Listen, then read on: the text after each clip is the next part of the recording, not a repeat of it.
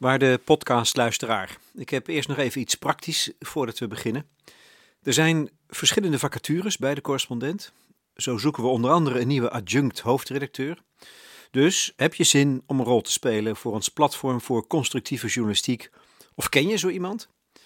Kijk dan even in onze vacaturebank. decorrespondent.nl slash vacatures. Heel fijn. Dan kunnen we nu beginnen met de podcast.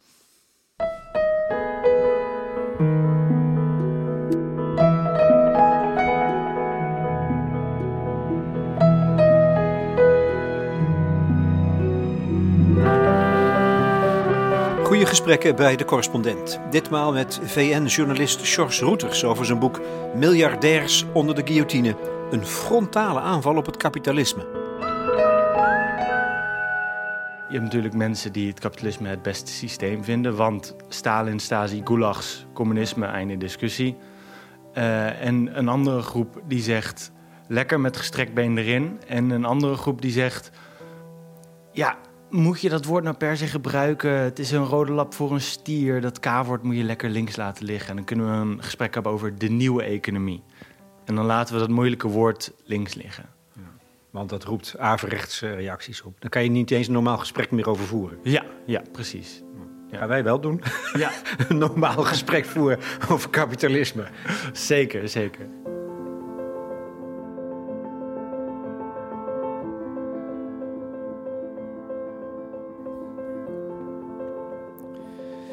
George Roeters heeft het aangedurfd om in zijn boek Miljardairs onder de guillotine, een aantal stukken verschenen eerder in Vrij Nederland, de koe bij de horens te vatten. Schrijven over het kapitalisme als systeem.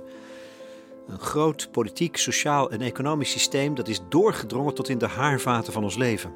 En dat zo'n beetje elk aspect van het leven bepaalt. En dan zeg ik het netjes. Je kunt ook zeggen negatief beïnvloed. Ik vind zijn poging sterk en dapper, want het hoeft geen betoog dat de wereld overspoeld wordt met crisis van globale aard, even angstaanjagend als onheilspellend.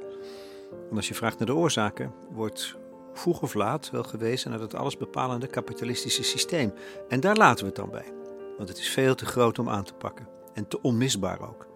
En er is immers geen goed alternatief. Precies dat stelt George Routers aan de orde. Er zijn wel degelijk alternatieven.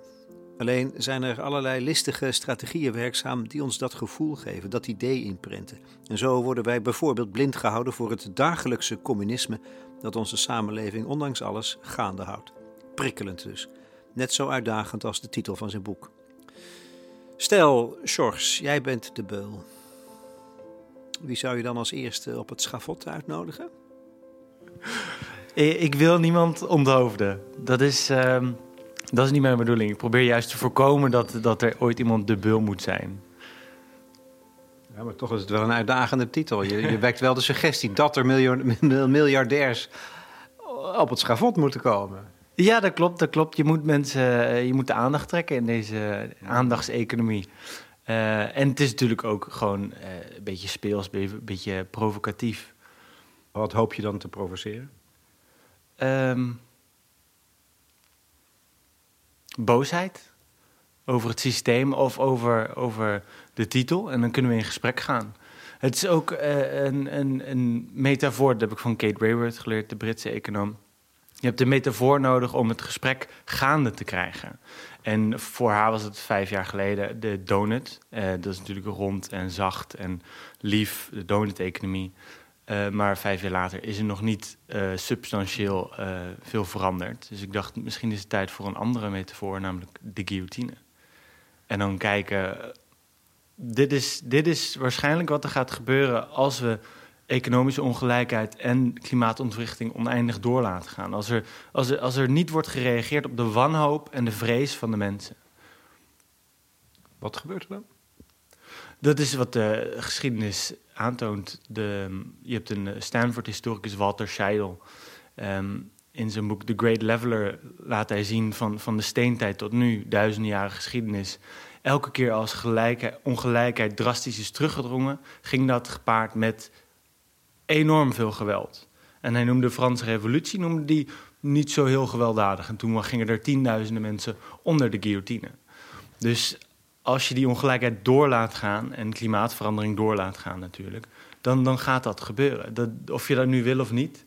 Ehm, het is, het, geweld is het eindpunt van verzet. Het aardige is, daar begin je ook mee, dat jij op je zesde al miljonair wilde worden. Dus je bent een geboren kapitalist.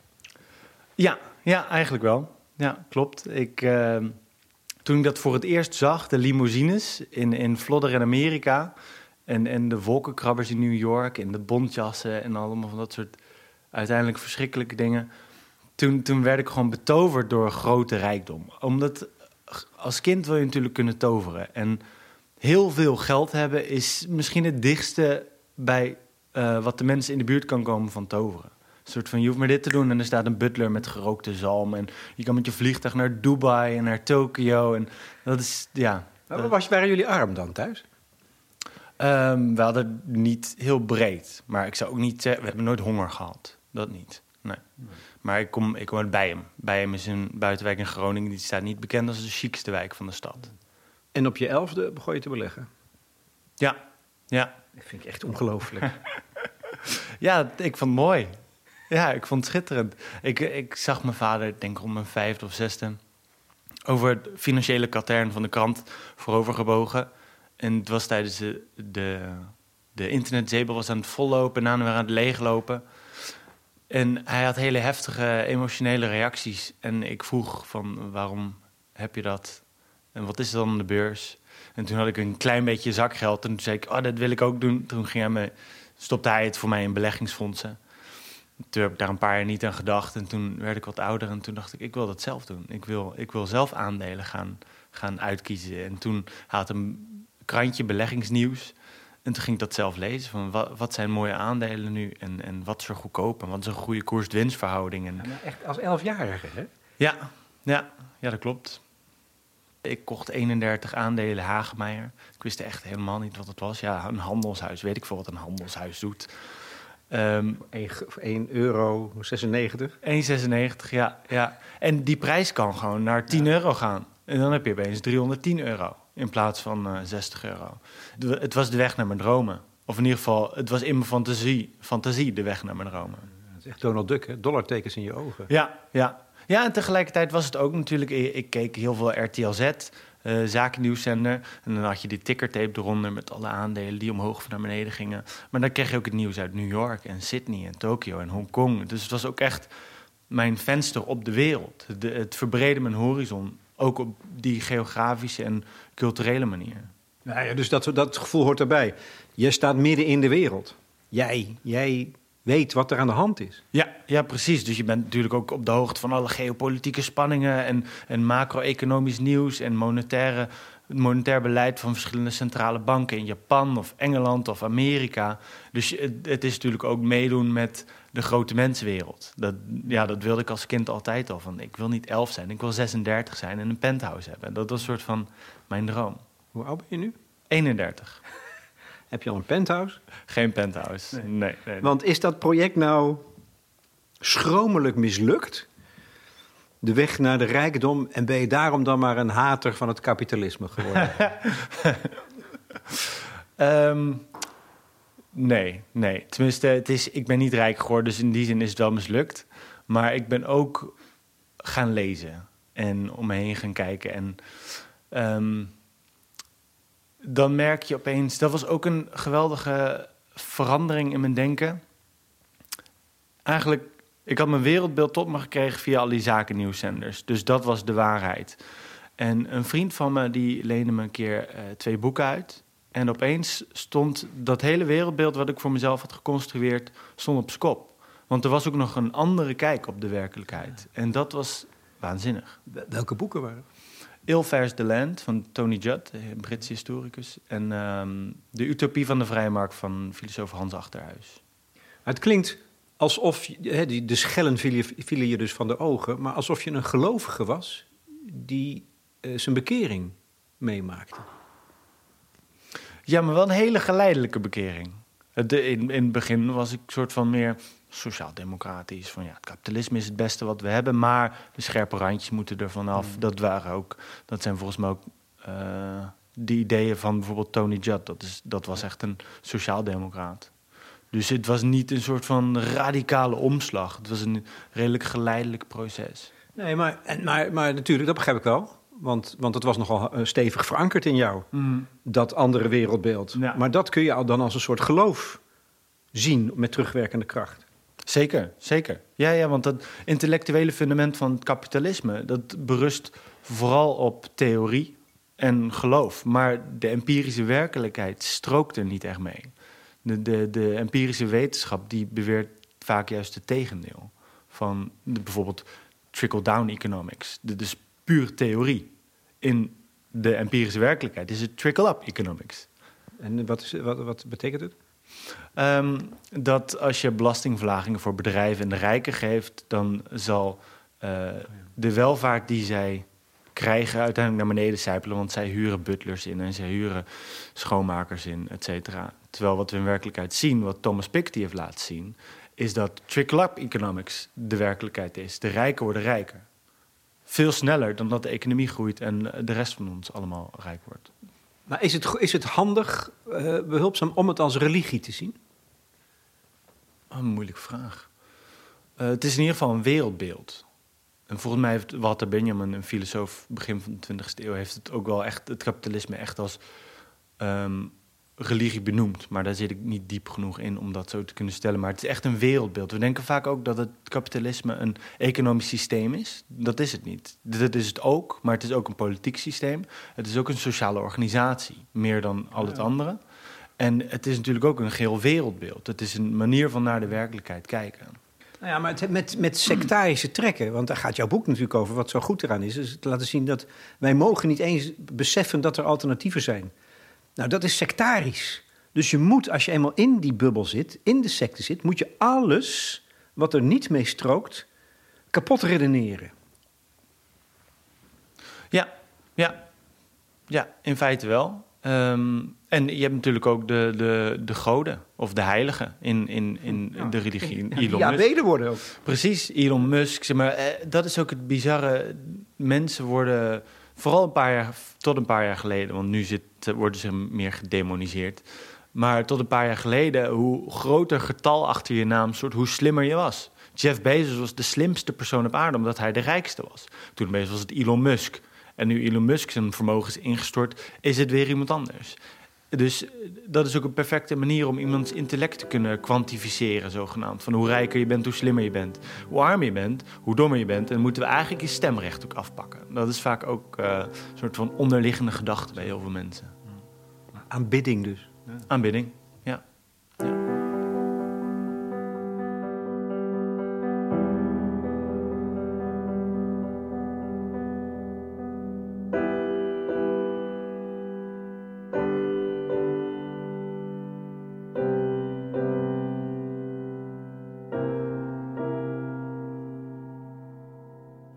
Een van de, de, de, de stappen in dat proces, hè, als, je dan, als je dan losmaakt, dat gaat dus geleidelijk, dat duurt misschien wel, ik weet niet, jaren, veel boeken. Maar ook Bernie Sanders volgen op zijn campagne. En daar lijkt me opeens iets heel ook inspirerends te gebeuren. Ja, dat was eh, waanzinnig. Ehm, in het voorjaar van 2020 ging ik, ben ik naar Amerika gegaan, heb ik een busje gekocht. En ben ik de Bernie Sanders campagne gaan voeren, eh, volgen. En wat je daar ziet, kijk, Bernie Sanders is voor Amerika natuurlijk heel radicaal. En voor Europa valt het wel mee, de, het beleid wat hij voorstelt. Maar in zijn retoriek is hij zo sterk in de manier waarop hij het framet. Dus dat is ook vaak het, de kritiek die ik krijg op mijn boek. Van je maakt het eh, intellectueel, je gebruikt het woord kapitalisme en dat is gevaarlijk. En wat Bernie Sanders doet, is het heel helder uitleggen. Dat hij Trump-supporters aanspreekt. Ik heb heel veel met, met die Bernie-beweging op deuren geklopt, canvassing. En de mensen die het meest geneigd waren om Bernie te stemmen, waren de Trump-stemmers. Dus dat waren gewoon de mensen die zo gefrustreerd en zichzelf in de steek gelaten voelden door het systeem, wat ook zo is. Ik bedoel, Biden en Clinton zijn allebei proponenten van dat neoliberaal kapitalistisch systeem. En dat was zo mooi aan die Bernie Sanders-beweging. Dat was echt. Als jonge mensen het voor het zeggen hadden in de VS, was Bernie nu twee keer president geweest. En, en die saamhorigheid en, en die actiebereidheid, dat was echt waanzinnig. Dat heb ik nog niet in, in, in Nederland meegemaakt. Is er nog iets over van die Sanders-beweging, die Bernie-beweging? Ja, dat, dat, dat is het mooie. Sowieso in, in 2015, toen hij zijn campagne lanceerde, dacht iedereen dat wordt een marginaal, marginaal iets. En hij werd, werd gigantisch groot. Het succes overspoelde iedereen, ook hemzelf en zijn eigen team. En er waren Harvard-data-onderzoekers en die concludeerden na het einde van zijn campagne... hij heeft niet de campagne naar links opgeschoven... hij heeft een hele generatie naar links opgeschoven. En die groepen die toen samen zijn gekomen om die Bernie-campagne te leiden... echt een miljoen vrijwilligers, die hebben natuurlijk een netwerk nu. En die zijn allerlei andere bewegingen gestart. Dus um, de Sunrise Movement, uh, Democratic Socialists of America, allemaal van die kleinere groeperingen die bouwen weer op elkaar voort. En dat, dat is natuurlijk, dat gaat tot op de dag van vandaag voort. En je hebt natuurlijk ook andere politici in de VS, hele invloedrijk, zoals AOC en, en Ilhan Omar en Cory Bush. En dat zijn allemaal mensen, en die inspireren ook weer mensen in Europa. Ik, ik ontmoette daar in de VS allemaal, ik heb mensen uit Duitsland, vrijwilligers, Bernie-vrijwilligers uit Duitsland ontmoet, uit Zweden, uit Japan, uit Argentinië, uit Engeland. Ze kwamen overal vandaan. En die nemen die kennis van die Bernie-campagne ook weer mee naar hun eigen landen. Jij bent wel opgeschoven nog, hè, sinds die tijd, denk ik. Wat deugt er eigenlijk niet aan het kapitalisme? Ja, het is. Het is als, je het, als je het heel eenvoudig samenvat. Ja, als je het heel eenvoudig samenvat. Um, het zorgt voor totale verwoesting. Het gaat over lijken. Het maakt de aarde kapot, ecosystemen kapot. maakt dieren dood, uh, buit mensen uit. Um, ja, eigenlijk heel veel van de wereldproblematiek waar we nu mee te maken hebben, vindt zijn oorsprong uh, of wordt in ieder geval verergerd door het kapitalisme. Ik wil ook niet alles reduceren tot het kapitalisme. Want als we het kapitalisme omver hebben geworpen, dan dat is geen garantie dat we geen racisme meer hebben, dat we geen seksisme meer hebben. Allemaal van dat soort ellendige zaken. Maar het is wel een, een grote factor in al die ellende. Want dat is wel de grote lijn, hè? omdat alles, alle aspecten van het leven, worden iets waar je winst mee kunt behalen. In geld. Maar dat leidt ertoe dat heel veel dingen echt vernietigd worden, kapot gemaakt worden. En ook weer op alle facetten van het leven. Maar als je het zo ziet, hè, als je dat zo stelt, dan denk je, wat, wat zijn wij dan blind of zo? Het is zo eenvoudig geformuleerd, waardoor je denkt, ja, maar dan moet het toch anders? Dus wat is dan de kracht, hè, waarom het zo sterk is?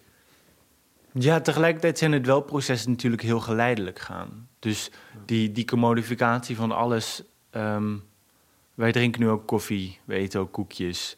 En het, het is een systeem dat in, in de haarwater van alles gaat zitten. Het gaat in je wereldbeeld zitten. Ehm, en het is tegelijkertijd ook een ongelooflijk aantrekkelijk wereldbeeld. Want het is net als bij een geloof. Zolang jij erin gelooft, ligt het paradijs in het verschiet. Jij kan de volgende miljonair worden. Jij kan de volgende miljardair worden. En zeker nu met social media, je kan influencer worden. Dan heb je miljoenen volgers, kan je superveel geld verdienen. En natuurlijk, het brengt ook heel veel comfort. Of in ieder geval, we schuiven... We, we rekenen heel veel comfort toe aan het kapitalisme. Terwijl het eigenlijk misschien wel andere dingen zijn die die welvaart voor ons welzijn creëren. Hoe, hoe werkt het dan precies? Nou, je kan bijvoorbeeld bedenken, is een iPhone werkelijk kapitalistisch? Want het is uh, ontworpen door programmeurs en ingenieurs en designers. Het zijn allemaal arbeiders. Het is in elkaar gezet door arbeiders. Um, dus, dus wat is er precies kapitalistisch aan? De technologie die erachter zit, is uh, ontwikkeld door of gefinancierd door publieke instellingen. Dus wat is er precies echt kapitalistisch aan dat ding? Hoezo zouden we deze dingen, die net zo goed met een andere sociale organisatie kunnen maken dan met het kapitalisme? En waarom is het dan kapitalistisch? Kapitaal staat centraal. En het doel van kapitaal is oneindige groei. En het maakt het kapitalistisch omdat er dus die, het begint bij geld. Het begint bij. En het eindigt bij geld. Precies. En het gebruikt wat dan ook om geld te vermeerderen. Dus je investeert om uiteindelijk meer geld te krijgen. Terwijl de bakker, die wil gewoon in zijn levensonderhoud voorzien. En die begint daarmee met brood. Nu heeft hij wel geld nodig om brood te kopen, maar het is een hele andere insteek. Ja, zo zou je ook die iPhone kunnen produceren. Precies. precies. Als, als wij met z'n allen besluiten dat we smartphones nodig hebben voor ons leven... want tegenwoordig kan je bijna niks meer zonder smartphone... je wordt uitgesloten van sociale netwerken... Dan, dan kunnen we dus ook non-kapitalistische alternatieven bouwen, zoals de Fairphone. Fairphone heeft niet als doel winstmaximalisatie, is in handen van een stichting. En die wil gewoon telefoons maken zonder dat mensen daarvoor worden kapot gemaakt. Zonder dat de aarde ervoor wordt kapot gemaakt. Een van de manieren om het te schrijven is, en waarom dat die iPhone zoals hij nu wordt gemaakt wel kapitalistisch is, is dat wij steeds harder moeten werken. Wij, nou ja, dat is een groot begrip. Om de rijken nog rijker te maken. Daar komt het op neer. Zo absurd is het. Ja, ja het is vrij absurd. Tegelijkertijd zitten we natuurlijk allemaal verweven in dat systeem.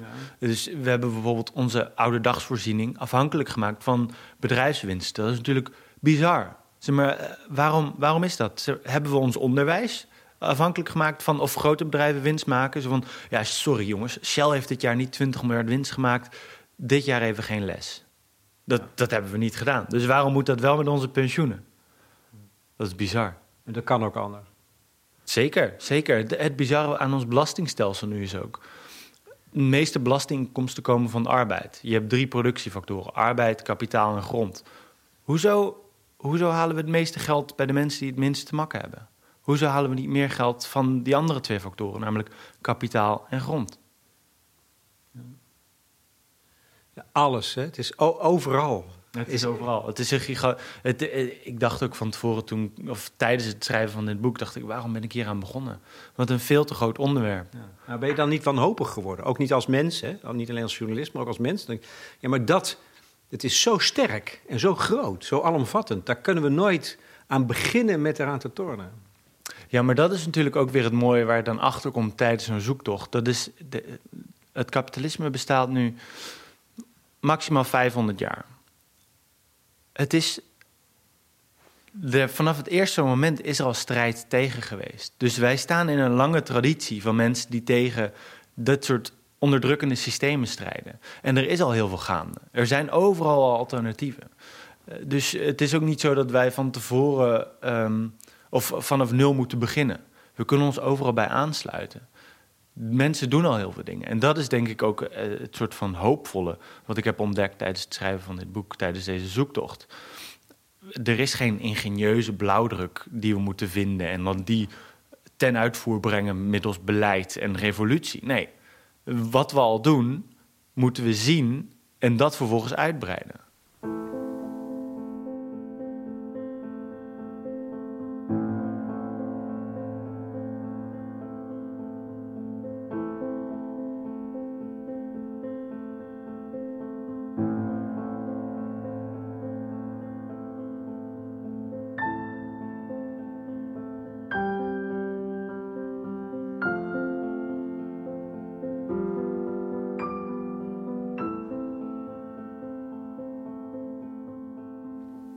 Je, je probeert, je gaat op zoek naar alternatieven. Dat eigenlijk. Van wat, één, één, dat vind ik echt, dat kun je niet genoeg benadrukken. Dat vond ik interessant aan je stuk over de kop. Dat jij ontdekt hoe uh, ons denken over klimaatontwrichting in feite wordt beïnvloed door voorstanders van fossiele uh, brandstoffen. Door ons zelf verantwoordelijk te maken. En op die manier af te leiden van de corporaties. Dat is zo'n listige strategie eigenlijk. Ja, dat is waanzinnig slim. Dat is waanzinnig slim. Dat is denk ik de slimste 250 miljoen dollar die BP heeft uitgevonden. In 2004 of 2005 een reclamecampagne om ervoor te zorgen dat uh, het concept van de ecologische voetafdruk um, in onze hoofd uh, nestelt. Ja, maar die komt van BP. Ja, ja, dat is toch waanzinnig? Dat is toch slim? Wat, uh, die, die reclamejongens die hebben het echt heel slim gedaan dat had ik. Dat, dat, ja, nou ja, daar valt je bek van open eigenlijk. Zeker. En dat is ook heel frustrerend, omdat het dus ook door links wordt overgenomen. Zo van ja, wil je klimaatontwrichting tegengaan? Stop dan met vliegen, stop met vlees eten en uh, cessa. Zo van ja, dat, dat hebben we nu al tien jaar geprobeerd en vleesconsumptie stijgt. Eh, vliegen stijgt. Uh, al die dingen die we zeg maar, via ons eigen individuele handelen moeten verminderen, blijft stijgen. Dus hoe vaak moeten we het nog blijven herhalen tot mensen het werkelijk gaan doen? Of kunnen we misschien op een andere manier proberen om klimaatontwrichting tegen te gaan? En die andere manier is? De, de, het systeem veranderen. Ja. Want dat is, dat is het echt, hè? Dat is, dat is uh, een afleidingsmanoeuvre. Als jij denkt, ja, ik moet zelf, uh, ik mag zelf nog maar één keer per jaar vliegen of helemaal niet meer vliegen. Daarmee bezig zijn, met de twijfel tegelijkertijd, ja, heeft het wel zin? Dat is allemaal afleidings, energievretend, letterlijk, om te voorkomen dat je misschien in actie gaat komen. Zo hebben ze het echt opgezet? Ik weet niet hoe of ze het op die manier precies hebben opgezet. Uh, maar ik zeg ook niet dat je nu maar moet gaan vliegen en vlees eten wat je wil. Maar het is meer van. Ja, dat individuele handelen, dat kan je inderdaad doen. Maar dat is niet waar het zou moeten stoppen. Het is een manier om bewust te worden van, van, van je handelingsperspectief. Maar het is een startpunt. Daarna kun je jezelf met anderen gaan verenigen. Kan je verder kijken. Oké, waarom blijft die luchtvaartsector groeien? Ook al lijden heel veel mensen aan vliegschaamte. Uh, waarom blijven we vlees consumeren? Ook al zegt meer dan de helft van de mensen dat die, dat die flexitariër is. Hoe komt dat? Zijn er meer mensen die dit zien? Wat denken zij hierover? Wat kunnen we hier samen aan doen? Nog zo eentje. De mythe van de consistentie. Je werkt op dezelfde manier, toch? Ja. Ja, ja mythe van de consistentie. Dat, dat, is, dat, dat was ook een soort van een, een hoofdstuk wat erin is geslopen... wat niet van tevoren was bedacht... En uh, opeens stuit je, als ik over mijn boek vertelde, stuit je op, op dit soort kritiekpunten. Van ja, alternatieven voor het kapitalisme. Je hebt een iPhone in je zak. Je, je hebt een Airbnb in Napels gehad. moet je mond houden, jongen. Ja, je hebt toch Spotify? Ik zag je laatst op dat feestje Spotify gebruiken. Waar heb je het over? Zo van ja, er is op geen enkele niemand ooit op aarde heeft een zuiver leven geleid. Dus hoe zou je dat als voorwaarde kunnen stellen om kritiek te mogen hebben. Dat is het onmogelijke als voorwaarde stellen. Dus je neutraliseert alle kritiek bij voorbaat. Dat is natuurlijk een geniaal mechanisme.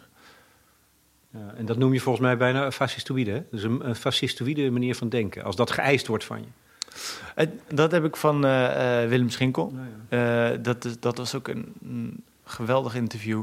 De, het is, want het vereist een soort van superheldenstatus. Van, je kan niet van mensen pure zuiverheid eisen. Dat, dat, dan heb je een soort van ubermensch in gedachten. En dat is een fascistische trek, zeker. En in het licht van het grotere plaatje zijn het dus allemaal strategieën vanuit het systeem... om mogelijk verzet bijvoorbeeld al uh, onschadelijk te maken. Mm -hmm. Ja, na, vanuit... Ja, bewust of onbewust, hoe dat? Ja, precies. Dat, dat is het moeilijk ook, want we hebben dat systeem ook geïncorporeerd. Er is ook niet echt zoiets als een, als een systeem dat buiten onszelf bestaat. Dus wij reproduceren dat systeem constant. Zelf in ons wereldbeeld. In, in hoe we elkaar de maat nemen. En hoe we naar elkaar of naar de dingen kijken. Ik denk dat het wel goed is om... Um te kijken wat je dan vindt op je zoektocht. Hè? Als je dan beseft, er zijn wel degelijk alternatieven. Het is ook maar een geloof, dat kapitalisme. Dan zijn er een aantal concrete dingen die je ontdekt. Limieten op vermogen bijvoorbeeld. Maar dat, eigenlijk zijn het, zijn het wel interessante dingen, maar ook allemaal niet bevredigend. Mm.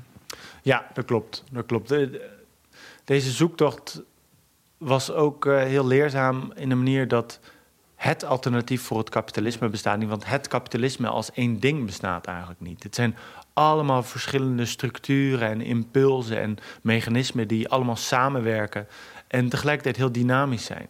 Dus bijvoorbeeld het internet bestond 30 jaar geleden als de vrijplaats weg van commercie.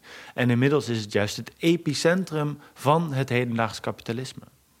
En eh, zo ook bijvoorbeeld limieten op rijkdom. Ja, de excessen van het kapitalisme zijn na het miljardairs met 200 miljard.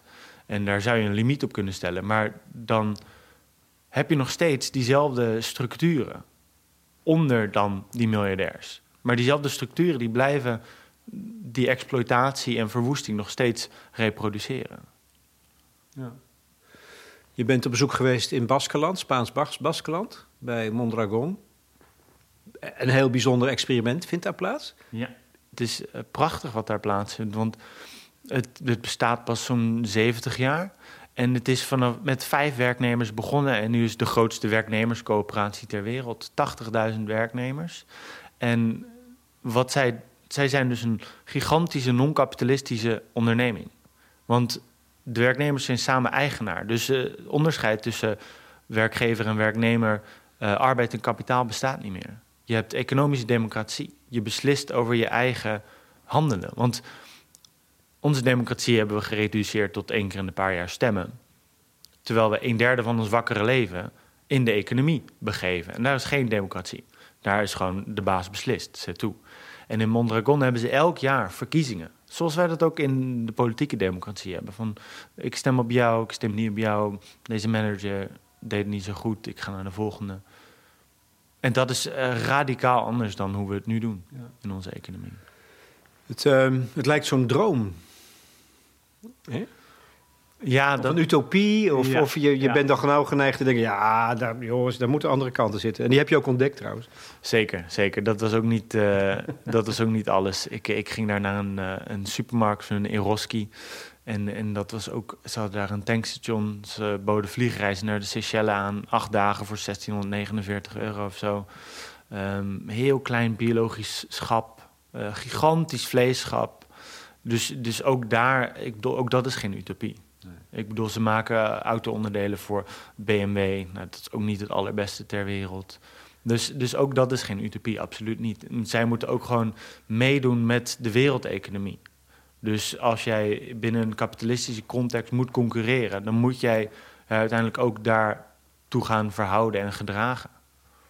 En dan kan je het wel ietsje eerlijker en ietsje democratischer en ietsje, duurza ietsje duurzamer doen. Maar zolang dat systeem niet verandert, moet je meedoen. Terwijl ze hebben 70 jaar geleden, toen het begon, was Spaans-Baskeland... was gewoon een ramp. Ja. Economisch, sociaal, was dat gewoon ellende. Ja, dat was totale verwaarlozing door het Franco-regime. Baskeland werd, was totaal verwaarloosd, hoge werkloosheid, armoede.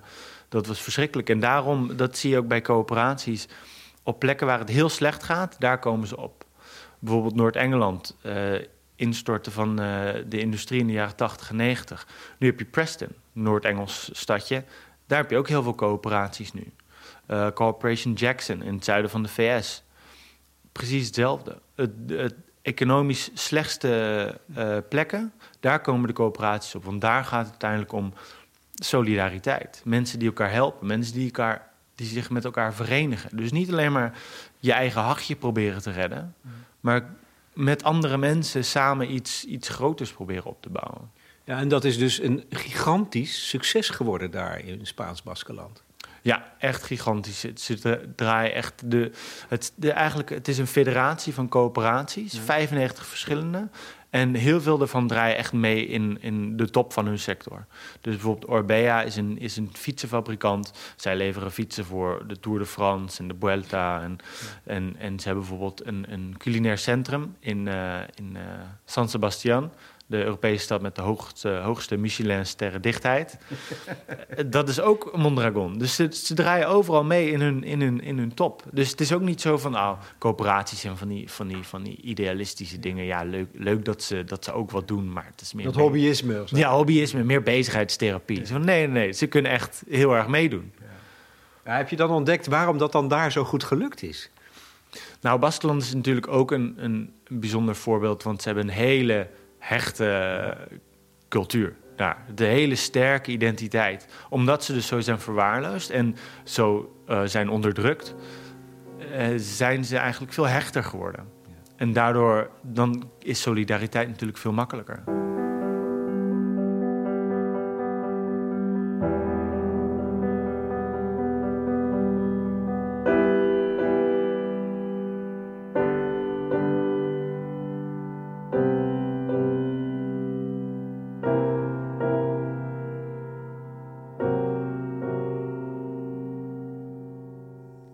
Beslist niet zo dat Georges Routers in zijn boek Miljardairs onder de guillotine alles wat hij tegenkomt onvoorwaardelijk omarmd en jubelend beschrijft.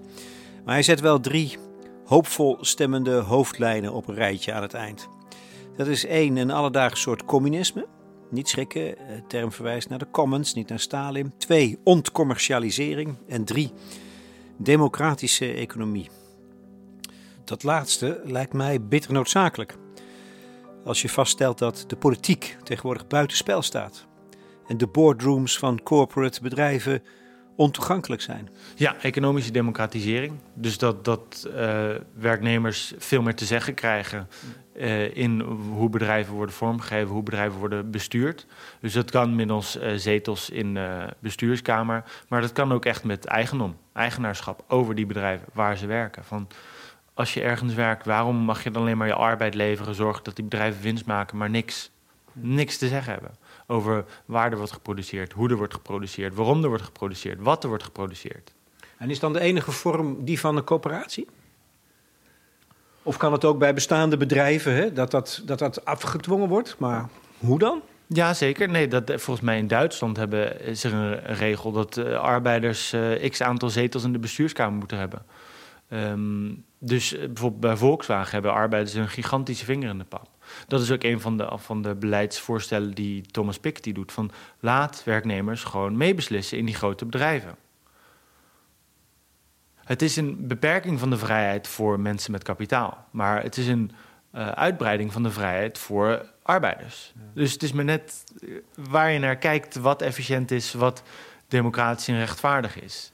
Ja, je hebt zo het gevoel dat die, dat, die, dat die reuzen, die giganten, de Elon Musks van deze wereld, dat die zo krachtig en machtig zijn dat niemand dat durft of kan afdwingen. Zeker niet bij hun eigen bedrijven. Nou, dat is het mooie. Je ziet nu gigantische opleving van vakbonden. Ja? In de VS, eh, ook in Nederland, maar vooral in de VS, omdat dus die inperking van de macht van de arbeid zo groot is, heb je natuurlijk een enorme backlash. Dus je hebt nu vakbonden ontstaan eh, bij Amazon. Je hebt uh, extreem agressieve anti-vakbondmaatregelen bij de bedrijven van Elon Musk. Maar dat is omdat ze er bang voor zijn. Dus uh, we kunnen wel ze zeker wat doen. Want als je kijkt naar alle dingen die ons echt welzijn hebben gegeven. Dus universele gezondheidszorg, universeel onderwijs, afschaffing van kinderarbeid, vrouwenkiesrecht, uh, een weekend van twee dagen, een werkweek van 40 uur. Het zijn allemaal dingen die grotendeels door de arbeidersbeweging of door bewegingen in het algemeen zijn afgedwongen. Dat is niet met individueel gedrag gegaan. Dat is, dat is met je aansluiten bij bewegingen gegaan. Want dat is, dat is eigenlijk een, een, een tweede regel. Hè? Massa creëren door bewegingen te maken, door je te verenigen. Ja, ja, dat is eigenlijk de enige eh, tegenmacht die we hebben. En het mooie is ook, die groepen die zijn zich al aan het ontstaan. Dus je hoeft ook niet zelf vanaf scratch te beginnen. Ik bedoel, je kan je overal bij aansluiten. Je kan bij een vakbond gaan, je kan bij nog een vakbond gaan. Je kan bij allerlei groeperingen gaan die zich voor um, bond precaire woonvormen of, of klimaatbeweging, wat dan ook. Dus uh, we hoeven ook niet allemaal het wiel opnieuw uit te vinden. We kunnen, we kunnen kijken naar, naar de historische tradities die al eeuwen gaande zijn en daarbij aansluiten. Bij mijn rondgang door de wereld heb je vaak het idee dat mensen zich te klein voelen. Hè, geïsoleerd met hun eigen initiatief. En iedereen wil eigenlijk dat dat met elkaar verbonden wordt. Tot een grotere massale beweging. Oh, die kleine fantastische initiatiefjes. Zie je dat gebeuren? Want dan krijg je echt massa en een van onderop een totaal andere manier van het inrichten van onze maatschappij. Zeker, coalities worden heel veel gevormd. Ja, ja, ja, absoluut. Ik bedoel, je moet ook niet allemaal onder dezelfde noemer gaan zitten. Je hoeft niet per se dezelfde branding te hebben. Van iedereen moet bij Extinction Rebellion en de rest doet er niet toe. Van dat is alleen maar fragmentatie. Nee, je kan coalities vormen, allianties vormen. Ik bedoel, niemand is het 100% met elkaar eens. En ik zie dat zeker gebeuren in, in de VS met Bernie Sanders bijvoorbeeld. Dat waren gigantische coalities. Dus allerlei verschillende groepen die zich achter één president schaarden.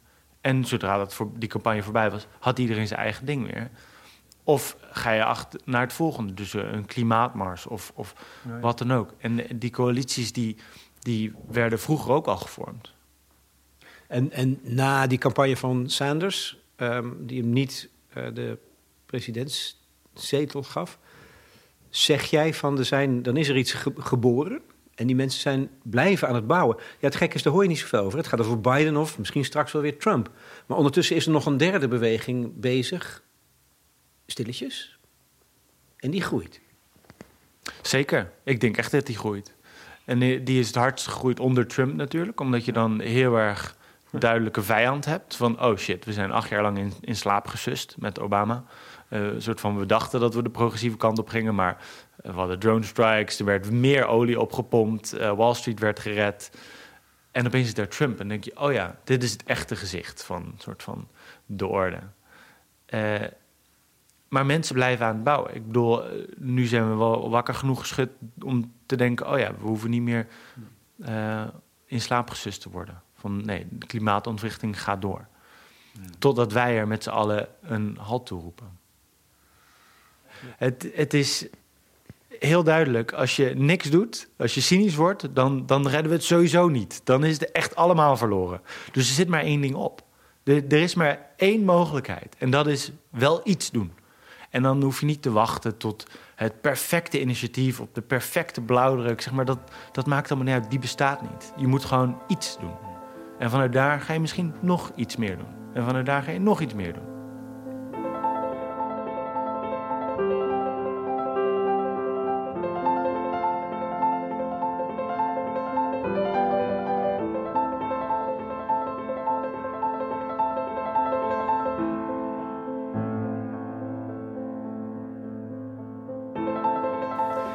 De tweede hoofdlijn die jij schetst in Miljardairs onder de guillotine is die van de ontcommercialisering van de economie. Wat voor stappen kunnen we dan zetten? Worden er gezet?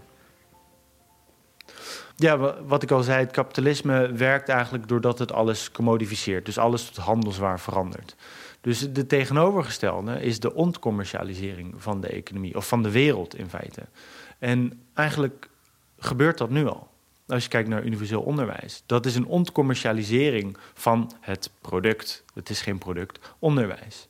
Hetzelfde met gezondheidszorg. Dat hebben we de afgelopen jaar geprivatiseerd. Maar dat kunnen we ook weer deprivatiseren. Ja. En zo kunnen we met eigenlijk alles doorgaan. We, we, hebben huisvesting, we hebben voedsel, we hebben energie. Ik bedoel, in, in Duitsland zijn, is de grootste energiemaatschappij genationaliseerd. Nou hoeft dat niet per se genationaliseerd te worden. We kunnen ook een derde vorm hebben, dat buiten de handen van de staat ligt. Dat een soort van derde onafhankelijke entiteit. Als je meer vanuit, het, vanuit de commons, vanuit de meente gaat denken. Uh, en zo kan je dat eigenlijk met steeds meer dingen doen. En dat, dat, dat, dat, dat, dat kan dus ook. Dat is niet zo'n gigantische stap die zo groot is dat, die, dat, we die, dat, ja, dat je die, die niet kunt voorstellen. En dan komt hij er ook niet. Je kunt dat in kleine stapjes opbreken. Zeker. Je ziet het nu ook al bij de energiecoöperaties. Ja, dat, is een, dat, is een, heel goed voorbeeld, denk ik. Ja, ja, precies. Dus je ziet het al gebeuren, alleen nog niet op grote schaal. Maar dat is ook het ding. Mensen verwachten een soort uh, mega-revolutie. Terwijl eh, netwerken moeten zich vormen, initiatieven moeten worden opgebouwd en druk moet worden opgevoerd. Ik bedoel, de Franse revolutie gebeurde ook niet uh, als een donderslag bij heldere hemel. De woede bouwde zich op, mensen waren zich aan het verenigen. En dan krijg je een ellendige situatie. Dat wil je eigenlijk voor zijn. En dan het derde, misschien wel de mooiste. Um, als het gaat om de drie hoofdlijnen. Dat je, dat je um, ziet dat, die, dat je leert zien, je, hoe verheugen, dat die alternatieven al om ons heen zijn. En je hebt een andere manier, als je het omdraait, dan zeg je, we zijn blind geworden voor het dagelijkse communisme om ons heen. Ja, dat vind ik wel een hele vrolijke. Ja, ja, ja dat, dat, ik ben natuurlijk sterk door geïnspireerd door uh, Willem Schinkel en David Graeber. Uh, dat is natuurlijk, als je het eenmaal ziet, dan is het, is het waanzinnig. Wat, wat wij allemaal voor elkaar doen, zonder dat we daar geld voor verwachten. Geld voor vragen, geld voor verwachten, wat dan ook. Uh, dus niet alles is gecommodificeerd. Nee, zeker niet. Er zijn nog gigantisch veel plekken op aarde die nog niet zijn gecommodificeerd. En daar moeten we eigenlijk ook onze aandacht op vestigen. Want dan krijg je ook weer hoop van: oh wacht, het is nog niet oneindig doorgegaan. We zijn nog niet te laat.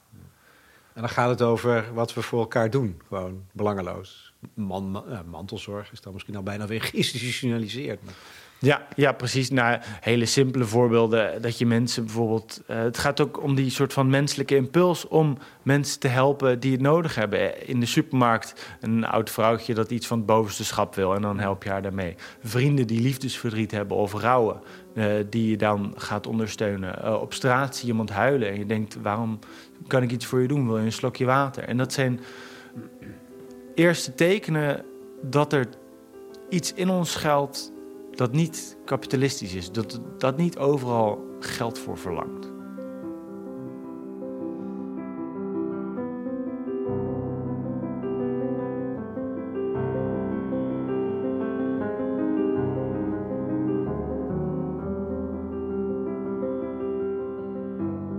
Nog, eh, toch nog even terug over naar de vijand.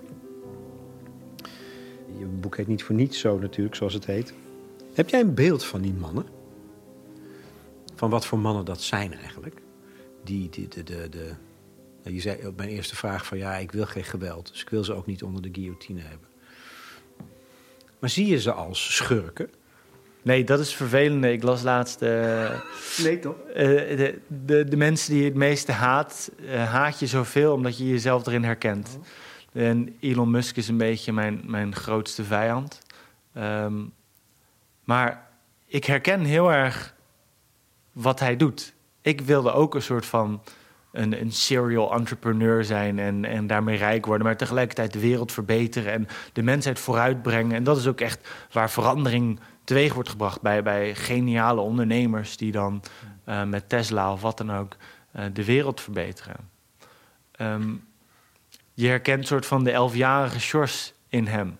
En nu schaam ik me daar heel erg voor, omdat je ziet, nee, maar die Tesla's gaan de wereld niet redden. Die maken de wereld kapot. We, we kunnen niet allemaal in elektrische auto's gaan rijden. Dan, dan, dat is gewoon neocolonialisme. We hebben niet genoeg grondstof om dat te doen. 80% van al het biodiversiteitsverlies komt door materiaalwinning. We hebben veel te weinig materiaal om alleen maar in elektrische auto's te rijden. Iedereen moet op de fiets gaan.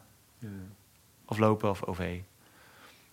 Dat is, dus, dat is het fabeltje van de groene, ehm, groene groei. Groene De gro- groei. Groene groei. Ja, dat is het verhaaltje van de groene groei. Dat, je- dat je dus, ik wilde dus vroeger zelf ook algeoliebedrijven opzetten, zodat ik in mijn Ferraris kon blijven rijden.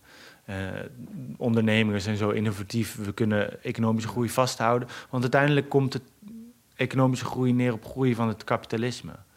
Eh, en die groei, daar zien wij niks van terug. En die is ook totaal onhoudbaar. De, de- alle empirische studies wijzen uit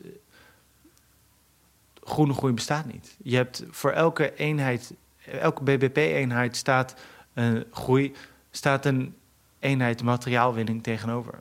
En we zitten nu al op 92 miljard ton materiaalwinning per jaar, terwijl de grens volgens wetenschappers 50 miljard is. Als die groei doorzet, dan stijgt onze materiaalwinning op aarde naar 200 miljard ton per jaar. Dan, dat is totale ecologische destructie. Dat is, dat is zelfmoord voor de mens. En alle andere dieren. Maar even die, die, die mannen als Musk, maken die mannen dan een soort, ja, het, is bijna geen vrouwen, een soort omslag. Dat ze voorbij de wet komen. Is er, vergaart men dan zoveel kapitaal dat dat gewetenloos wordt? Dat vraag ik me wel eens af. Zit er nog geweten in die mensen? Oh, dat is een hele goede vraag. Geen idee. Zou de therapeut van Musk moeten vragen? Als hij in therapie is, denk het ook niet eigenlijk. Dan zou hij wel anders handelen. Ja, Of wie dan ook. Nee, maar snap je waarom? Omdat het, als wij er zo naar kunnen kijken, dan zien zij het ook zo. Aan de andere kant van de lijn. Dus ze weten wat ze aan het doen zijn. Wat ze ik aan het vernietigen zijn.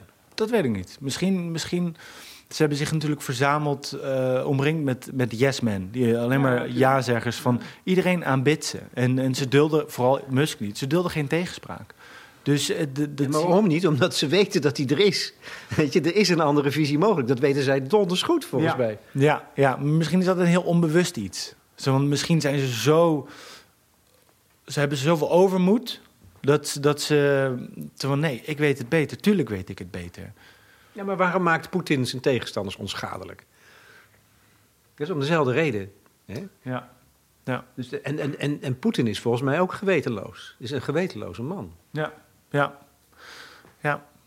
Dat is ook eh, waarom sociopaten zo goed, zo goed gaan in onze samenleving. Je, een geweten, dan, dan hou je jezelf achter in deze competitie. Je, als je geen geweten hebt, dan, dan, dan kom je hogerop.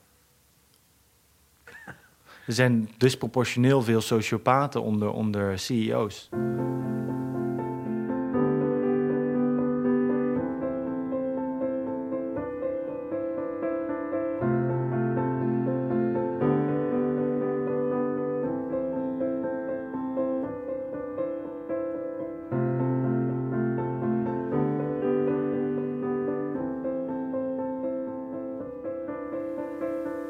Jij, jouw hele streven is erop gericht om, om op tijd nog na te denken over alternatieven voor het kapitalisme. Daar komt het op neer. Want als we het eh, gang laten gaan, dan, dan komt er dus geweld. Denk jij dat er geweld er komt?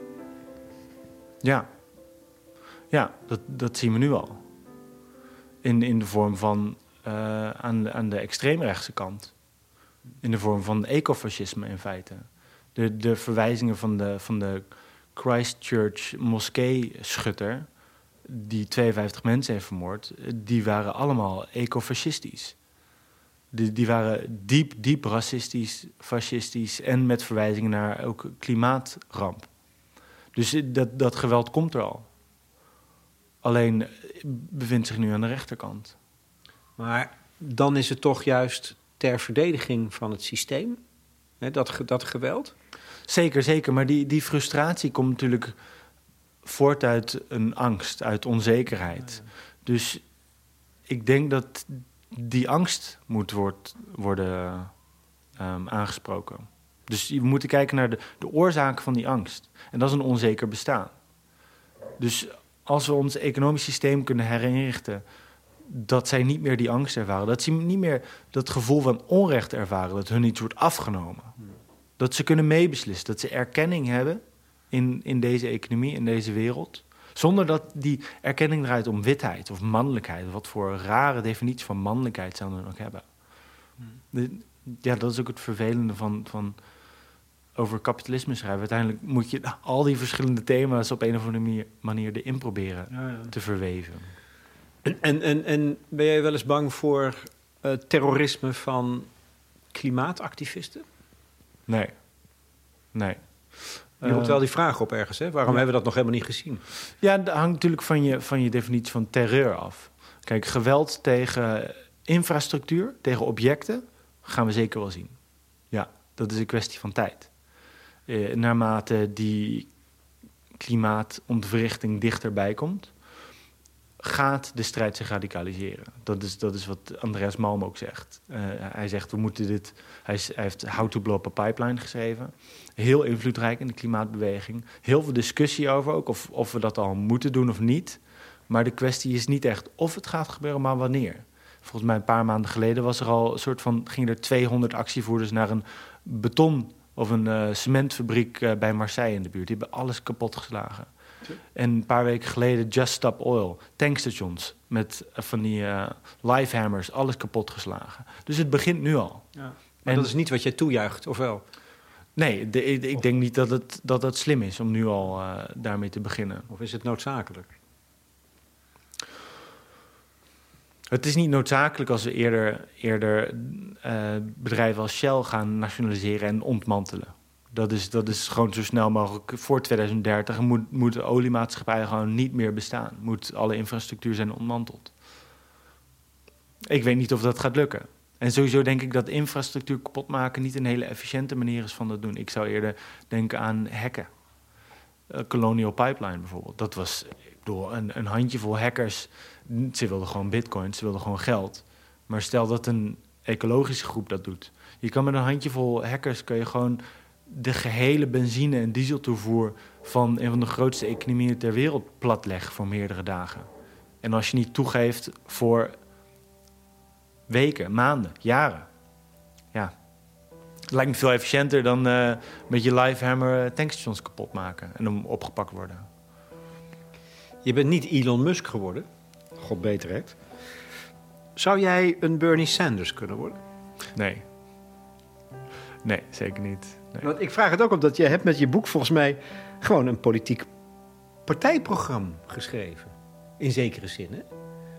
Ja, dat is, dat is misschien ver- verbaas je. Ik zie dat het je verbaast. Nee, maar er zit, een, er zit een politieke visie in, laten we zo zeggen. Die kan je zo... pff, nou ja. Nou, er zitten, er zitten vrij weinig specifieke beleidsvoorstellen in. Het is eerder een soort van alternatieve werkelijkheid. Nou, het is ook niet eens een alternatieve werkelijkheid, want het zijn gewoon bestaande alternatieven die ik heb bezocht. Maar nee, ik weet niet of ik een goede politicus zou zijn. Nee, Bernie Sanders is toch echt, eh, ja, een stuk charismatischer.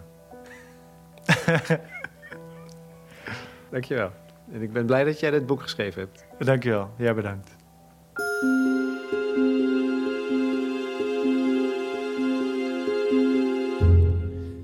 George Roeters in gesprek met Lex Bolmeijer voor De Correspondent over zijn boek Miljardairs onder de guillotine. Het is uitgebracht door VN. Nou, dit lijkt me wel voer voor discussie, dunkt me. Centrale vraag: is het kapitalistische systeem over de houdbaarheidsdatum heen?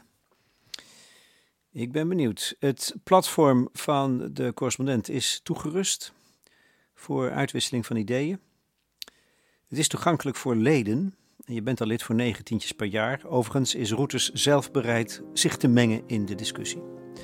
En dan tenslotte een opmerking over de muziek. Die komt van de CD Mad Rush. Stukken van Philip Glass, gespeeld door Liza Moore. En Sjors heeft zijn boek geschreven terwijl hij luisterde naar deze muziek. Om in de flow te komen.